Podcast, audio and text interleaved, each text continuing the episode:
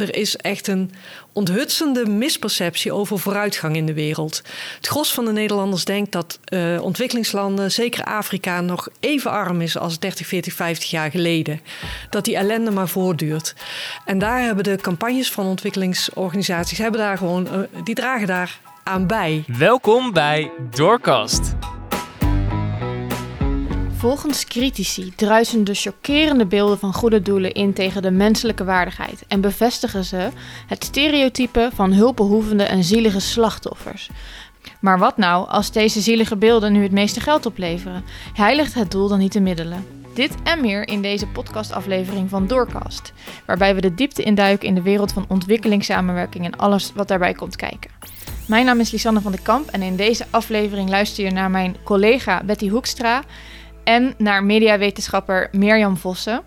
En we hebben zo'n interessant gesprek gehad dat we dus niet konden stoppen met praten. Dus vandaar dat je nu luistert naar deel 1 van ons gesprek. En binnenkort komt er dus ook nog een tweede deel online te staan.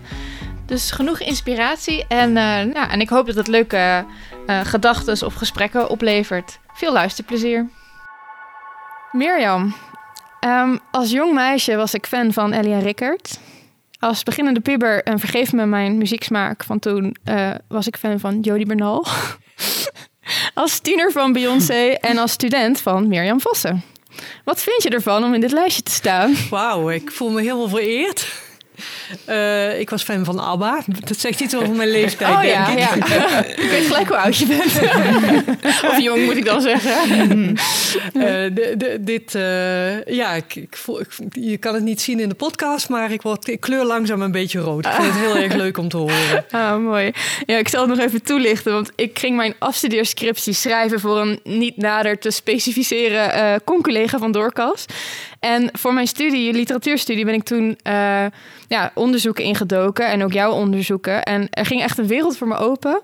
En uh, ja, voor de luisteraars die nog niet eerder over jou gehoord hebben, is het misschien nog een beetje abstract. Maar uh, ja, waar je je mee bezighoudt en wie je bent, laat ik graag aan jou over. Dus misschien uh, wil je je nog even voorstellen. Ja, ik ben Mirjam Vossen. Ik ben mediawetenschapper. ik heb ook een achtergrond in de journalistiek. En ik ben gefascineerd geraakt door de, door de vraag rondom beeldvorming van armoede in ontwikkelingslanden. En ik ben onderzoek gaan doen naar wat voor beeld hebben we daarvan als mensen in Nederland in, het, in Europa. En hoe komt het dat we dat beeld hebben? Hoe dragen de media daaraan bij? En hoe dragen campagnes, advertenties, communicatie van ontwikkelingsorganisaties daaraan bij? Dat is in het kort. Uh, ja, en er hoort een doe. term bij, dat is de term framing. framing. Ja. Kun je dat nog uh, uitleggen? Wat ja, betekent dat? De manier waarop ik het onderzoek is via framing-analyse. En framing betekent dat je specifieke taal gebruikt, specifieke beelden gebruikt om uh, een versie van de werkelijkheid over te brengen. Dat klinkt misschien een beetje uh, abstract, maar je kan met taal kan je heel veel doen. Misschien een klein voorbeeldje geven wat uit een aanpalend, uh, hoe zeg je dat, gebied komt. Als je het hebt over vluchtelingen. Uh, we hadden een paar jaar geleden dat er uh, in vrij korte tijd vrij veel vluchtelingen naar Europa kwamen. En dan werden door sommige partijen werd er gesproken over een stroom vluchtelingen of een tsunami van vluchtelingen. Nou, met dat soort woorden roep je een heel sterk beeld op. Wat eigenlijk iets zegt van, oh, het is onbeheersbaar en we moeten dammen opwerpen. Uh, dat is een voorbeeldje van framing, wat laat zien dat, dat je een bepaalde, uh, ja, jouw, jouw versie van de werkelijkheid draag je daarmee uit. En het zegt ook meteen iets over hoe je bepaalde dingen moet duiden en hoe je bepaalde dingen moet oplossen. En als je hele andere taal gebruikt dan uh, kun je er gewoon ook een heel ander verhaal en heel andere oplossingen bij, bij bedenken. Dat is waar framing over gaat. Ja, interessant. En wat ik zelf ook wel heel inzichtgevend vond, is dat framing letterlijk vertaald ook kader betekent. Ja. En dat je het dus letterlijk voor je kunt zien als een lijst die om een schilderij heen zit. Op een schilderij zie je altijd een momentopname. De schilder kiest heel bewust welke scène hij in beeld brengt, maar ook hoeveel hij in beeld brengt. Misschien als hij bijvoorbeeld verder had uitgezoomd, zou je ook hele andere dingen kunnen zien. Um, dus soms kun je ook heel bewust kiezen om iets niet te laten zien. Ja, het... Of is er gewoon geen ruimte om iets niet te laten zien? Klopt wat je zegt, uh, Lisanne. Framing heeft ook te maken met, met een kader kiezen en met selecteren. Van, uh, je selecteert eigenlijk wat je belangrijk vindt aan een onderwerp. Uh, en dat licht je eruit. En andere dingen laat je weg. En wat misschien belangrijk is om toch te benadrukken, is dat framing is niet het, heeft niets te maken met, met per se met misleiden of met liegen. Het is puur wat jij kiest om naar voren te halen. Um, daar gaat framing, uh, framing over. En telkens gaat het om een deel van de werkelijkheid uh, die jij naar voren brengt. En waar je anderen mee probeert te raken of probeert te overtuigen.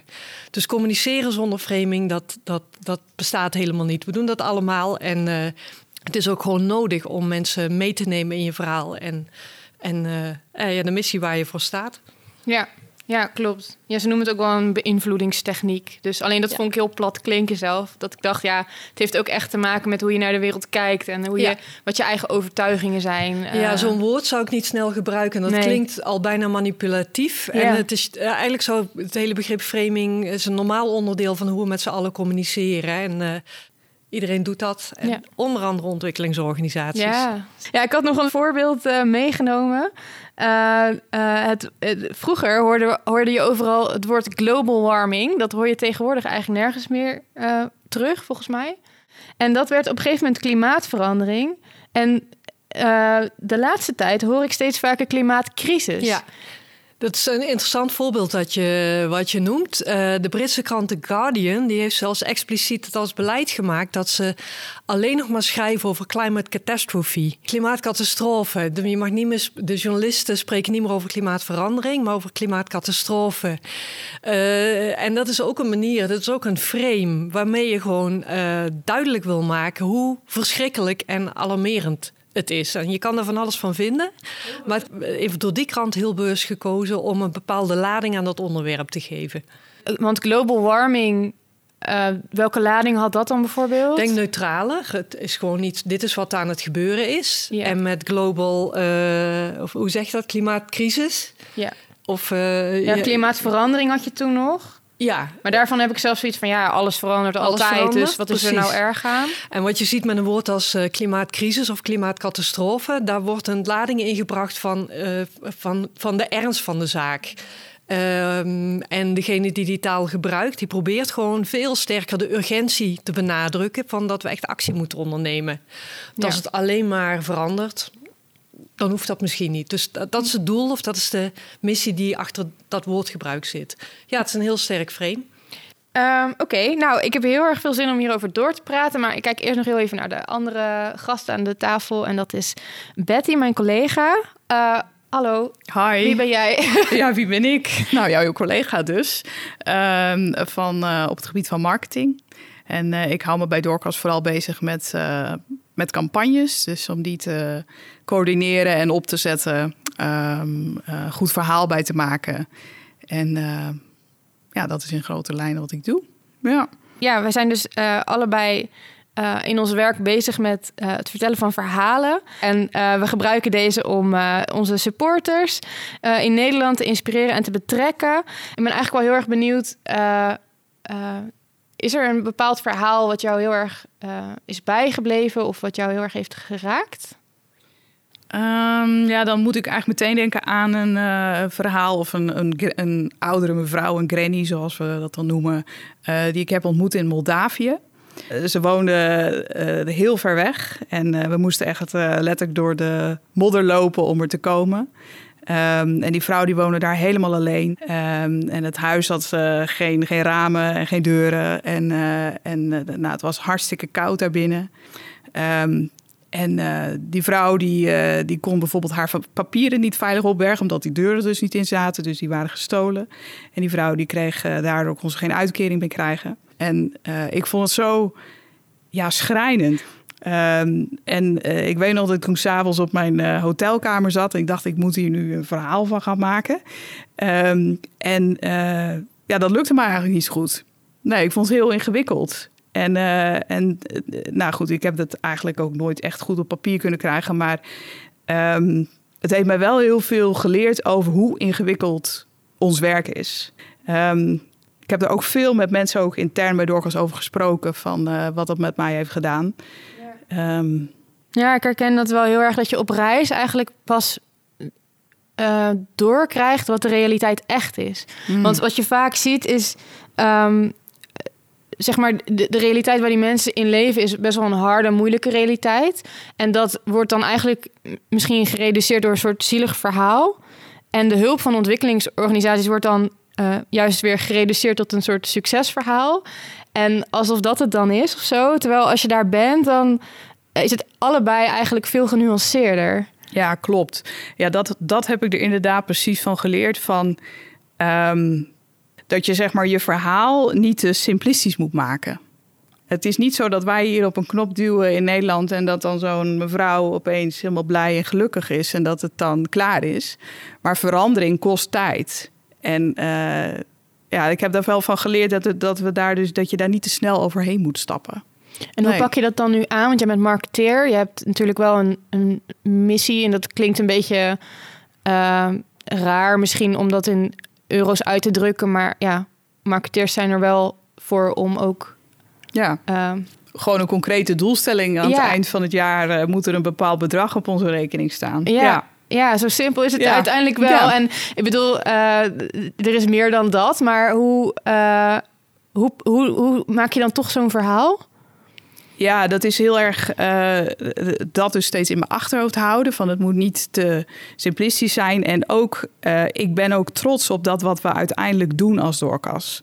Uh, en ik vind ook dat de mensen dat mogen weten. En we kunnen nooit het hele verhaal vertellen, want je hebt, nou, dat weet jij ook, je hebt vaak maar weinig ruimte in zo'n brief om het allemaal netjes te krijgen. Um, maar toch kun je wel iets zeggen um, nou ja, dat je verschillende voorbeelden noemt uh, en, en dan uitlegt van wat voor werk wij daar dan doen. Ja, en even um, terug naar die Granny. Wat, wat hebben wij dan uiteindelijk voor haar gedaan als doorkas? Um, uh, wij hebben uh, voor haar in, een sociaal vangnet eigenlijk om haar heen gebouwd. Dus uh, ervoor gezorgd dat er buren naar haar gingen omkijken.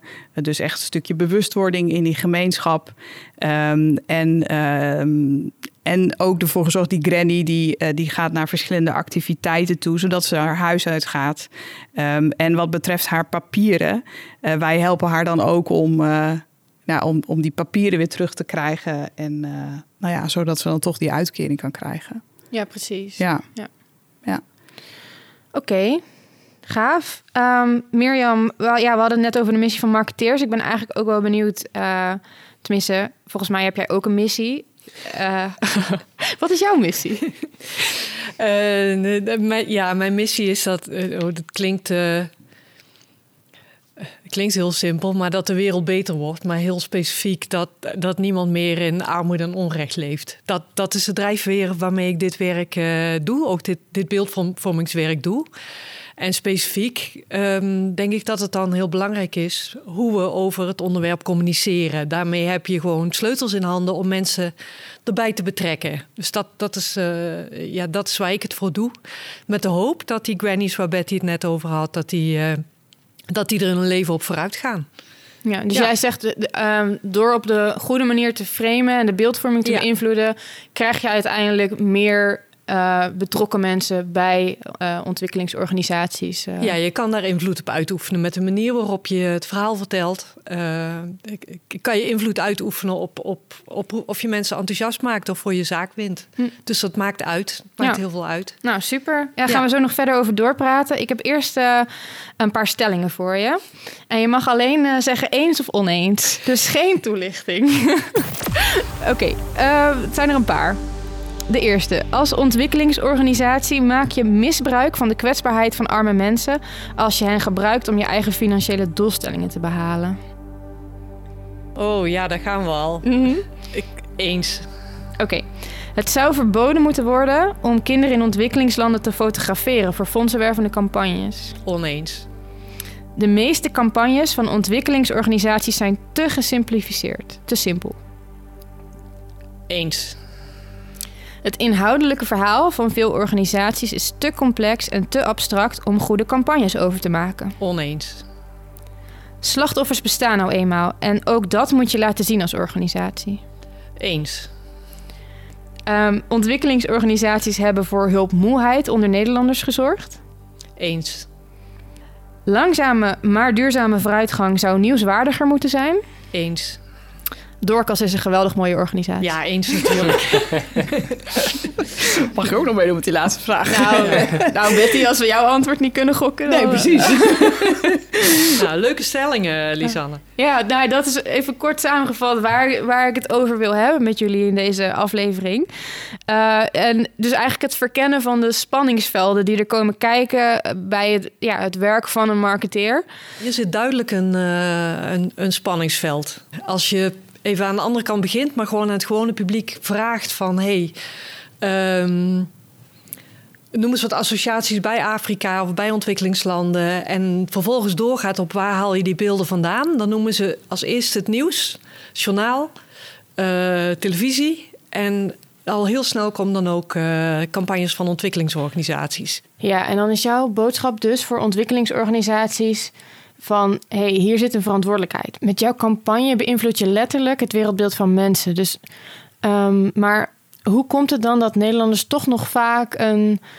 eh, hoe zal ik dat zeggen? eh, verwrongen of in ieder geval incompleet wereldbeeld hebben als het gaat om armoede. Doordat in de publiekscampagnes vooral de nadruk ligt op, steeds maar weer op wat er nog moet gebeuren, op wat er nog niet goed gaat, op wat er nog niet is bereikt, op wat ze nog willen gaan doen. Daar ligt het accent. En dat er intussen al ontzettend veel gebeurd is en bereikt is en gelukt is, dat weet de doorsnee Nederlander, weet dat niet. Er is echt een onthutsende misperceptie over vooruitgang in de wereld. Het gros van de Nederlanders denkt dat uh, ontwikkelingslanden, zeker Afrika, nog even arm is als 30, 40, 50 jaar geleden. Dat die ellende maar voortduurt. En daar hebben de campagnes van ontwikkelingsorganisaties, hebben daar gewoon, uh, die dragen daar aan bij. Ja. Ja, dus als je dan naar dat schilderij kijkt, dan, dan, dan zit dat kader vooral omdat wat er nog moet gebeuren. Terwijl er een veel groter plaatje is van hé, hey, er is ook al heel veel gebeurd. En hier zit ergens ja, verderop, zeg maar, weer uitgezoomd, zie je, de, zie je de veranderingen en de impact die er al heeft plaatsgevonden. Dat vind je wel vaak terug, meer terug op websites van organisaties. Als je daar wat dieper in duikt, dan zie je dat organisaties wel degelijk vaak praten over, uh, over resultaten, over wat er wel is gelukt maar uh, niet of nauwelijks in de publiekscampagnes. En dan komen we denk ik al op het spanningsveld, want dat is waar geld, dat kost geld en die gebruik je bij voorkeur. En vind het wel interessant om te horen zo meteen wat Betty daarover ja. te zeggen heeft. Ja. Die gebruik je bij voorkeur toch met fondsenwervende doelen. Ja. Dat is wat ik in mijn eigen onderzoek dus steeds terugzag. Dus driekwart van wat het publiek ingaat heeft een fondswervend doel. En er is nauwelijks, ik heb het wel eens in discussies wel eens in, met organisaties wel eens in de groep gegooid van hey, kunnen jullie niet ook na afloop van zo'n campagne ook geld investeren om het Nederlandse publiek te vertellen wat er is gedaan met het geld en wat er is gelukt. Maar ja, dus niet alleen werven, maar ook terugkoppelen. Precies, ook terugkoppelen. Maar er is zo'n, ik weet niet wat het is, een aarzeling om daar geld aan uit te geven of het belang wordt niet ingezien. Of... Ja. Want dat is ook een spanningsveld natuurlijk in een Ja. goede doelensector. Je wil eigenlijk zo min mogelijk geld uitgeven aan alles wat niet rendeert. Ja, Ja. eh, echt binnen zo'n project valt, zeg maar. En ja, je zegt dus, je, je vraagt inderdaad van... hé, hey, we willen kind A heel graag naar school laten gaan... maar je zegt er niet bij dat misschien 80% van meer kinderen... tegenwoordig naar school gaan dan, naar school gaan. dan 40 jaar Ja. geleden of zo, ja. Terwijl ik denk, maar eh, goed, daar komen we misschien ook zo nog op. Ik denk dat dat ook enorm motiverend kan zijn om dat juist ook te vertellen. Ja, Heb je een reactie? je kijkt of- mij ja, aan. ik denk dat je een vraag hebt. Ja, Ehm, ja, nou ja, goed, dat spanningsveld, ja, dat herken ik wel. En eh, eh, de, vraag was van, eh, hebben wij een verantwoordelijkheid daarin? Ehm, eh, ik denk het zeker. Ik denk het zeker. En dat is met name ook, kijk, wij kennen die mensen als doorkas, die wij op de foto zetten en waar we wat mee doen. Ik zeg wel eens van, als je, stel dat dit nou deze foto, als dat nou je moeder zou zijn of je kind, zou je dat dan ook oké vinden dat hij eh, helemaal ziek en, en, en eh, uitgeput eh, van bovenaf in een bed wordt gefotografeerd? En dan, dan is heel vaak het antwoord nee. Nee, dus dan doen wij dat ook niet op die manier. En dus dat is, dat is niet echt vast te leggen in, in een soort van beleid of zo. Maar het is meer ook van een soort. Ah, het is wel een hele duidelijke manier van aanvoelen of het soort van eh, te verantwoorden is of zo. Ja, ja. Ik denk dat de meeste mensen het over de meeste foto's dan wel eens zullen zijn van dit is niet oké en dit is wel oké. Ja. En waar ligt het dan? Wat zorgt er dan voor dat het wel of niet oké is? Zeg maar wat is dan waar het om draait in zo'n bijvoorbeeld in zo'n foto? Nou, dat staat dan in onze, eh, in onze theory of change. Wij zien het prachtige potentieel van ieder mens. En zo willen we die mensen dus ook laten zien. Want als het allemaal hopeloos en ellendig zou zijn, ja, waarom zouden wij dan nog bestaan? Want dan heeft het niet zoveel zin ook voor mensen om, eh, om te doneren. Dus het is niet. Ik probeer toch wel ook in onze campagnes die hoop toch te laten zien. Oké, ehm, Mirjam, jij hebt eh, negen verschillende frames uitgewerkt die in de ontwikkelingssector gebruikt worden. Ehm, het zijn zo'n frame is zeg maar een manier om naar armoede te kijken en de Ja. oorzaken van armoede. Ehm, nou, om even een paar voorbeelden te noemen. Bij de ene frame eh, wordt armoede bijvoorbeeld gezien als onze schuld. Hè? De rijke wereld brengt de arme wereld schade toe. Ja. Een ander frame eh, laat armoede zien als een kwestie van achterblijvende ontwikkeling. De armen moeten hun achterstand eh, ten opzichte van de rijke wereld inhalen. Het woord ontwikkelingssamenwerking is Ja. eigenlijk al een voorbeeld van dat frame. Ja. Ja, grappig. Ja. Eerst was het ontwikkelingshulp en toen was hulp dus denk ik niet goed. Dus toen werd het ontwikkelingssamenwerking. Samenwerking. Maar eigenlijk is ontwikkeling ook al best is al wel... een voorbeeld van een frame. Ja, grappig. Ja. En nu... eh, Internationale samenwerking, toch? Ja, ja. oh ja, dat is weer de volgende. dat is weer een ja. volgende. Ja. Ja. Oh ja, grappig. Ja, en dan denk ik, ja, dan wordt, klinkt het voor mij juist weer gelijk veel zakelijker of zo. eh. ja, en dat heeft, heeft dan die associatie. weinig eh, goede doelen, Ja. associaties meer. Ja, grappig. Maar meer gelijkwaardigheid Ja, dus. dat wel. Ja, Ja, ja. zeker. Ja. Oh, mooi. Ja. ja, dus zo ontwikkelt eigenlijk de hele sector ook langzaam maar zeker. ja, eh, eh, blijft de sector nadenken over de taal die het gebruikt Precies. voor wat het doet. Ja, Ja. Nou, dat, Dat, is wel heel mooi. ja. Ja. En, en nog een ander frame wat jij hebt uitgewerkt is het slachtofferframe. En ik denk dat dat het frame is waar wat veel mensen herkennen en waar ook veel mensen dus over vallen. Ehm, ja, volgens dit frame zijn arme mensen in de wereld slachtoffer van eigenlijk ja, de omstandigheden, eh, buiten hun schuld. ja, Ja. waar zij zelf ge- geen eh, invloed op kunnen hebben of Ja. niks aan kunnen doen. Eh, nou ja, en eh, daarbij wordt ook heel erg een beroep gedaan op de rijke mensen om te helpen. Dus Ja. eigenlijk een heel ongelijkwaardige Precies, relatie. het bena- benadrukt inderdaad de ongelijkheid tussen aan de ene kant iemand die weerloos is, nadruk ligt dan op het, op het lijden, op de ellende. En eh, de- de- wij, om het maar even zo te noemen, zijn in de, in de fortuinlijke positie dat we kunnen helpen. En eh, dat frame doet ook een moreel appel op ons dat we dat ook zouden moeten doen. Dat is, de, dat is het verhaal in het, eh, in het slachtofferframe. En daar is inderdaad de Een meeste moreel appel, ja. Dat is- Ja, moreel ja, een soort schuldgevoel dus. Ja. Ja, ja, Ja, zeker. wordt dan op ingespeeld, ja. Ehm, ja, ik heb daar een voorbeeld van meegenomen. Droogte. Mislukte oogsten. Honger. Deze kinderen vechten voor hun leven. In Niger dringt de tijd voor de tien maanden oude Hassana. Ze is zwaar ondervoed en haar leven is in gevaar. In Jemen eisen oorlog en honger hun tol. De kleine Nusser is ernstig ziek. Het enige wat hem in leven kan houden zijn noodvoeding en medicijnen. Op dit moment dringt de tijd voor duizenden kinderen als Hassana en Nusser. Wij kunnen uw hulp goed gebruiken voor het te laat is. Voor 3 euro per maand zorgt u ervoor dat wij een zwaar ondervoed kind op tijd kunnen behandelen. Ook geven we langetermijnhulp om ondervoeding te voorkomen.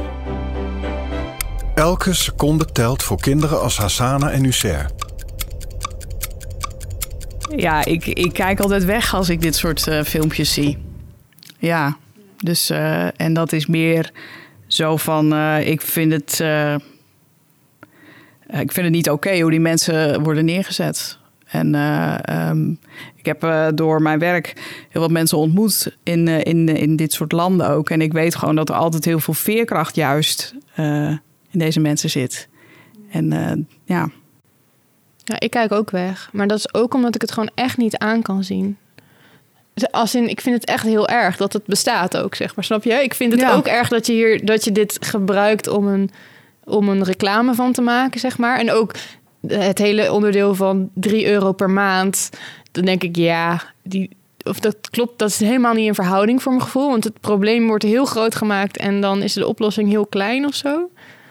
Maar uh, het doet wel heel veel met me, zeg maar. Hmm. Zoveel dat het, dat zeker nu ik uh, sinds oktober heb ik een zoontje. ik kan niet meer naar kinderen kijken die er zo bij liggen, zeg maar. Ik krijg mijn reactie is ook eentje van, van afweer. Uh, het is, ik vind het net als jij onaangenaam om naar te kijken. Maar het belangrijkste deel toch van mijn afweer is um, dat ik het echt niet oké okay vind dat dit zo gebracht wordt op, om geld, uh, geld op te halen. En het is de manier waarop de kinderen worden gefilmd. Dat kun je in de podcast niet zien, maar wij konden de beelden erbij zien. Inderdaad, van bovenaf, et cetera, et cetera. Uh, maar vooral nog de suggestie van de ontzettend simpele oplossing van... het is een enorm probleem, uh, maar als jij drie euro geeft, dan gaan we dat oplossen. En dan zie ik, maar dat is misschien, zo kijk ik dan meer als met een onderzoeksbril naar... dan zie ik welke uh, trucs er worden gebruikt ja. om het kracht bij te zetten. Een zware mannenstem. Die tikkende klok. Tikkende klok, oh. die steeds sneller gaat tikken op het eind. Uh, allemaal effectbejag om op de emotie te spelen. Met als doel dat nog een onbekende donateur geld over gaat maken. Mm -hmm. Ja, zo, zijn, zo zitten die filmpjes in elkaar met maar één doel om die emoties te raken. En denk je dat deze commercial zijn doel heeft bereikt, zeg maar? Gek genoeg denk ik tegelijkertijd van ja. Uh, we weten dat dit ook gewoon werkt. Ja. Dat de, de, organisaties doen dit en merken dat het, dat het zeker bij, uh, hoe zeg je dat, koude acquisitie, donateurs werft. Ja, dus dat, dat is de andere kant. Het, het roept bij een, groot, ja, een grote groep mensen krijgen een afweerreactie, zoals wij drieën hier. Die kunnen het eigenlijk willen, willen het niet aanzien of, of storen zich eraan, ergeren zich eraan of wat dan ook. Maar een hele grote groep die uh, gaat daadwerkelijk gewoon donaties overmaken. Dus dat is een reden dat, het, uh, dat je dit soort filmpjes overigens niet super vaak meer, maar nog wel steeds ziet. Mm-hmm.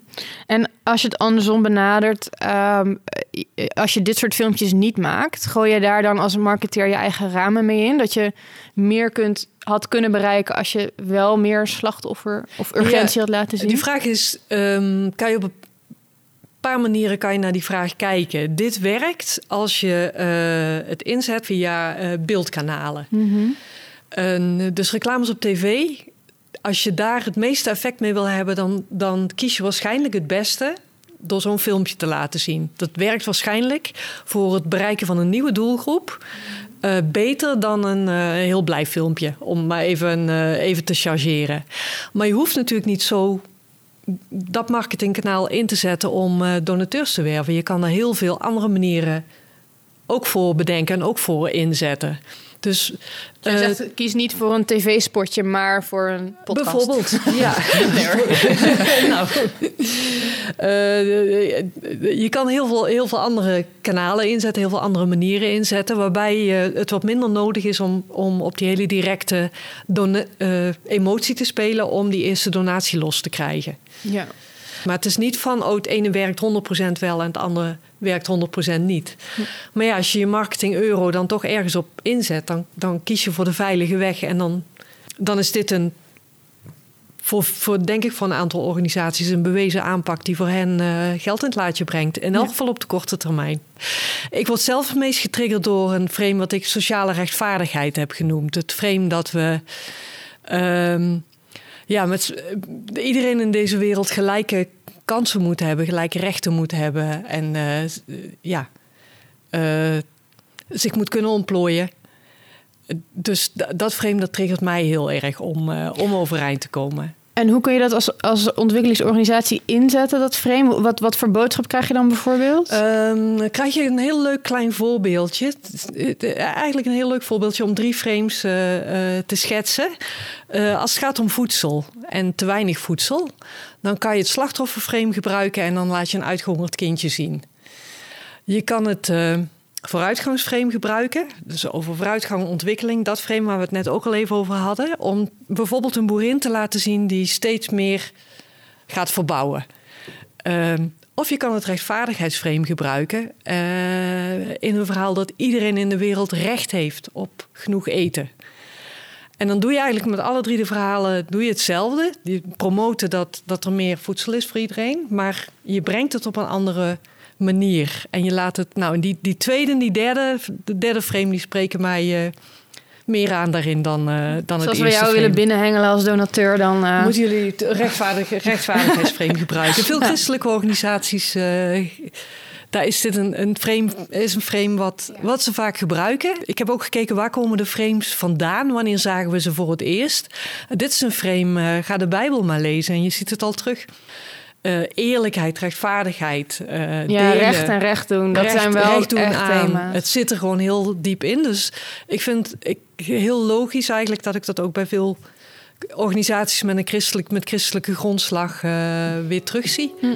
En die voelen zich daar vaak ook uiteindelijk veel beter bij thuis dan bij, bij dat bij dat slachtofferverhaal. Hmm. Mooi dat we dit eerste deel van het gesprek mogen afsluiten met de Bijbel.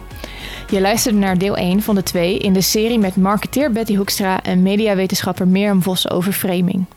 We vinden het erg leuk om te horen hoe jij deze podcast ervaart. Laat dit aan ons weten door onze spraakbericht te sturen via WhatsApp. Nummer 06 3055 2802 dan hoor je jezelf wellicht terug in een volgende aflevering. We kregen bijvoorbeeld deze bemoedigende reactie van onze collega Mathé. Ik heb vanmorgen zojuist even de podcast uh, beluisterd, Hart voor Ouderen. Ik wil gewoon even uh, jullie bemoedigen uh, met ja, positieve reactie. Ik vind het erg leuk om dit even te volgen. Ik had eigenlijk wel het gevoel dat ik bij jullie aan tafel zat. Zo, uh, zo uh, voelde dat voor mij. Had ik wel de, neiging om uh, te gaan reageren of vragen te stellen of nou, dat. Ja, complimenten. Goed gedaan. En heel veel succes bij de volgende podcast. Thanks Matthé, echt superleuk om te horen. We vinden het zelf ook heel leuk en waardevol om deze podcast te maken. Dus um, ja, we hopen je graag terug te zien als luisteraar bij een volgende aflevering. Tot dan! De volgende keer in Doorkast gaan we dieper. Oh, oh, nou kijk. Hoor je welke fondswervende verhalen er juist wel en niet aanslaan? Als dat maar een mini-deeltje is van je hele verhaal, dan loop je het risico dat je, dat je luisteraars of je kijkers allang afgehaakt zijn. Ook hebben we het over gelijkwaardigheid. En, en je zou zo graag willen dat dat meer gelijkwaardig beeld wordt. En wordt het confronterend? Blijkbaar uh, blijkt uit ons. Uh uh, training dat, dat, dat het toch uh, dingen negatief geframed zijn. We bespreken de grote thema's. Of hebben we stiekem nog best wel, dragen we nog veel van ons koloniale verleden met ons mee? Altijd eindigen we hoopvol. Zie je verandering? Ja, heel erg. Het tweede deel over framing hoor je binnenkort in Doorkast. Dan zie je wel dat ze vooral ook de ellendige situatie nog wat ellendiger maken.